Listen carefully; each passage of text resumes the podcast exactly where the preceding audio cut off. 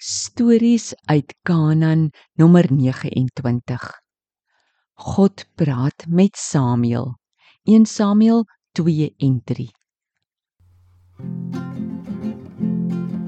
Lekker lekker storie tyd. Die Bybel vat ons ver en wyd. Stories van die ou ou tyd oor God se liefde vanaf daardie tyd. Sy liefde loop deur ons eie tyd tot Jesus kom vir die ewigheid.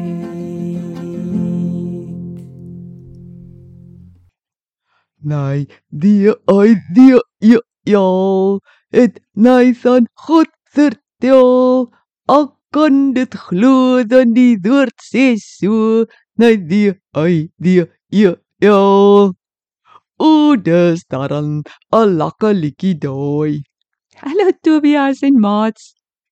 Ja, dit is 'n lekker liedjie en 'n waar liedjie. Dan nie Gordon. Toe die mense nou nog nie die duiwel gehad het nie, hoe het hulle geweet dat God sê? Tobias, daar in die Bybelse tyd het God nogals partykeer met mense in 'n stem van 'n mens gepraat. Of hy het met sy profete gepraat en hulle het dan weer vir die mense die boodskap gaan vertel. Regtig? Het tannie so 'n storie? Ja, ek het. Vandag kan ons vertel van hoe Samuel God se stem gehoor het. O, lekker lekker. Vertel, vertel. Julle onthou van die klein seentjie Samuel wat in die tempel gaan werk het? Wel, saam met hom het ook die hoofpriester Eli se twee seuns, Hofni en Pinias gewerk. Maar hulle was nie goeie priesters nie. Nie goeie trusters nie. Hoe dan so? Tobias maats, die Here was eintlik baie kwaad vir hulle. Hulle het sommer dinge gedoen nes hulle wil en nie onthou hulle moet eintlik doen wat God gesê het nie. Een ding was dat die priesters ook van die gaarvleis van die offers kon kry om te eet. Maar die twee rakkers het nie gewag tot die vleis gaar was nie. Nee, hulle het hulle slaaf gestuur om sommer 'n groot stuk rou vleis by die Israeliete wat kom offer het te vat. Die mense het gevra hulle moet eers wag tot dit gaar was. Maar dan was die slaaf sommer lelik en sê: "Gee, gee, anders vat ek dit af." Dit het gemaak dat die mense so kwaad geword het dat hulle skoon vergeet het die offers is heilige offers vir die Here.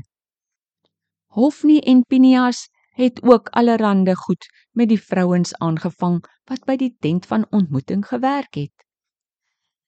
Och nee, dis jammer. Het Eli net hulle geraas daaroor? Eli het met hulle gepraat daaroor, maar hulle het nie geluister nie. Hy moes hulle eintlik gestraf het, maar hy het nie. Dis streeslik. Wat gebeur toe? Op 'n dag kom daar 'n man van God by Eli aan. Hy het vir hom kom vertel dat die Here baie kwaad is oor sy twee stout seuns en dat Eli hulle nie gestraf het nie. Die Here vra hoekom sy seuns vir hom belangriker was as die Here self. Die man van God het gesê dat Eli se kleinkinders en agterkleinkinders nie een oud gaan word nie. Hulle gaan sommer jonk doodgaan. Hulle gaan ook nie meer priesters wees nie. Hofni en Pinias gaan ook sommer albei op een dag doodgaan. Die Here het besluit om sy eie priester aan te stel wat sal doen wat hy vra.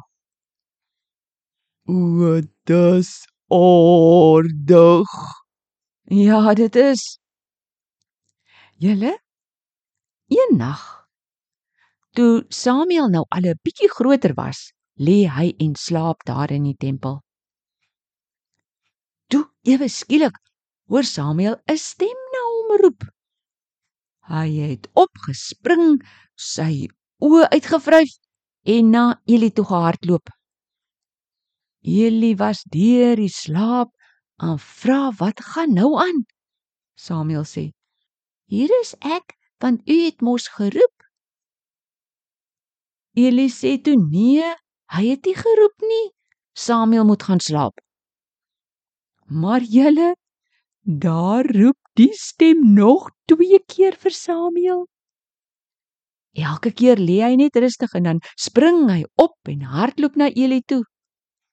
Na die derde keer besef Eli dit moet die Here wees wat na Samuel geroep het. Hy sê toe: Samuel, seun, as jy nou weer die stem hoor, dan sit jy regop op jou slaapmat en sê: "Praat, Here, u dienaar luister." O, nee nog draai. Roet die stem toe deur na Samuel. Ja, Tobias. Samuel gaan lê toe weer en na rukkie hoor hy: Samuel, Samuel. Samuel se maag draai toe seker ook en hy antwoord: "Praat, Here, u dienaar luister." Samuel het nog nie eintlik die Here geken nie, maar daai dag begin praat God met hom in 'n stem wat hy kon hoor. "Wat sê die Here toe?" Tobias, dit was eintlik slegte nuus. God het vir hom gesê dat hy vir Eli en sy seuns gaan straf, net soos die man van God vir Eli kom sê het. Samuel was doodbang om die vreeslike nuus vir Eli te vertel. Hy lê toe maar doodstil op sy matjie tot die oggend toe. Toe roep Eli vir hom om alles te hoor. Eli was al oud en kon nie meer so lekker sien nie. Samuel vertel maar toe alles wat die Here gesê het. Eli het net geantwoord: "Hy is die Here." laat hom doen wat hy wil. Sjoe, Donnie.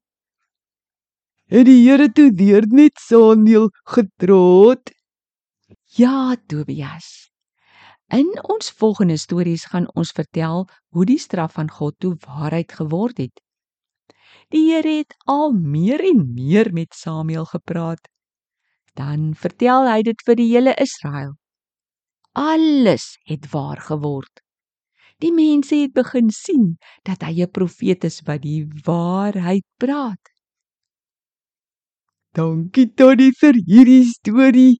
Ek is so bly God het na Samuel geroep en hy het geluister. Is daar nog stories van Samuel? Ja, sommer nog 'n lekker klomp.